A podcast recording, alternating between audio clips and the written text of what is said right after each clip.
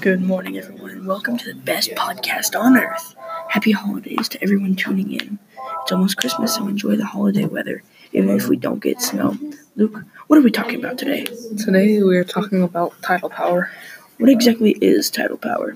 Tidal power is a form of hydropower that uses waves to create energy. Like hydroelectric energy in the rivers? Well, it's a little different. Hydroelectricity usually uses dams to generate electricity, whereas tidal power is used by something that looks like windmill turbine. The waves spin the turbines and it creates electricity. Ah, that makes sense, but aren't the sun and wind more predictable than the waves? No, they aren't actually. There might be a whole bunch of clouds on a day that was supposed to be sunny, and the wind patterns aren't always predictable. Streams of water are usually flowing constantly, such as the Gulf Stream. Why did the chicken cross the road? Oh no, here come the jokes. To get to the other tide. Looks like the tides have turned in the energy game.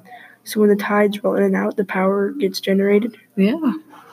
How does the electricity get into place like homes and power and power plants? Power lines transport the electricity to power plants, and electricity gets sent home from there.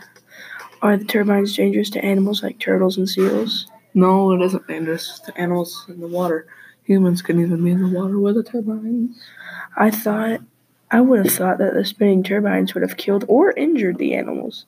I guess not. Do you know if a water tank explodes or gets a crack in it, if it will electrify the water? No, none of the fish will get electrocuted by the turbines. I already told you that they're safe for the fish Oh, and, that- and humans in, in, in that water.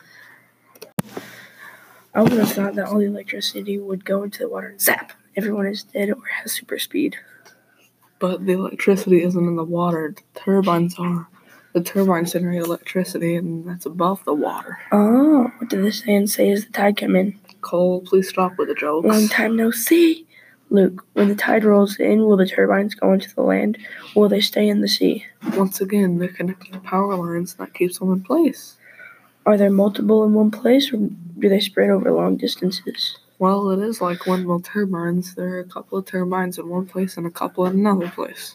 So there are farms of them, like there are farms of windmill turbines. Yeah, Are they located in shallower, shallower water or in the middle of the ocean? they're usually located near the shore. The largest factory is in Russia.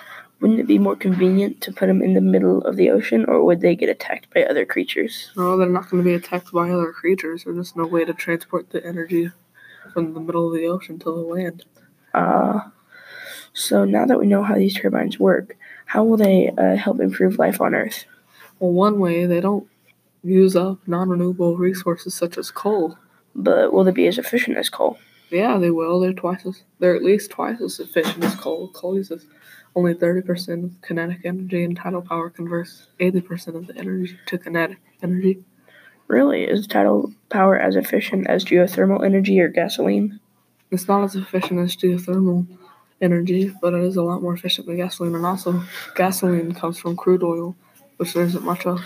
Is crude oil as efficient as tidal energy? Crude oil isn't an energy source and makes up some of the things we use in daily life, such as gasoline and plastic.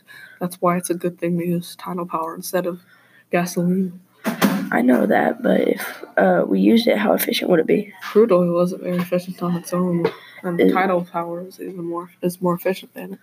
Is tidal energy cheaper than geothermal? Money has nothing to do with why it's good for the earth. I know, but I was wondering since geothermal energy is more efficient and coal is cheaper, then why should we use energy? sh- Why should we use tidal energy instead of geothermal or coal? For one, coal isn't cheaper, and even if it was, digging coal from the ground produces greenhouse gases. You can use geothermal energy instead if you wanted to. Yeah, but charcoal is cheaper. You can buy a 10 pound bag for 20 bucks at Ace Hardware. All right, well that's charcoal. Charcoal's used for like burning stuff. Yeah, well, so is coal. They're basically the same thing. Well, we need to talk about why tidal power is good for the earth. We already have. I was just wondering what, why you would choose it over other sources of energy. Other sources of energy produce dangerous gases and stuff. Really? Yes. What about solar power? and- Well, solar power is expensive. Oh, is it cheaper than tidal power, or is tidal power cheaper? Tidal power is cheaper. Oh, really? Yeah, that's why. That's one another reason why it's good. Is that everything we have to know about for today? Yes. That's Well, back to Chuck for sports. Chuck, what do you think?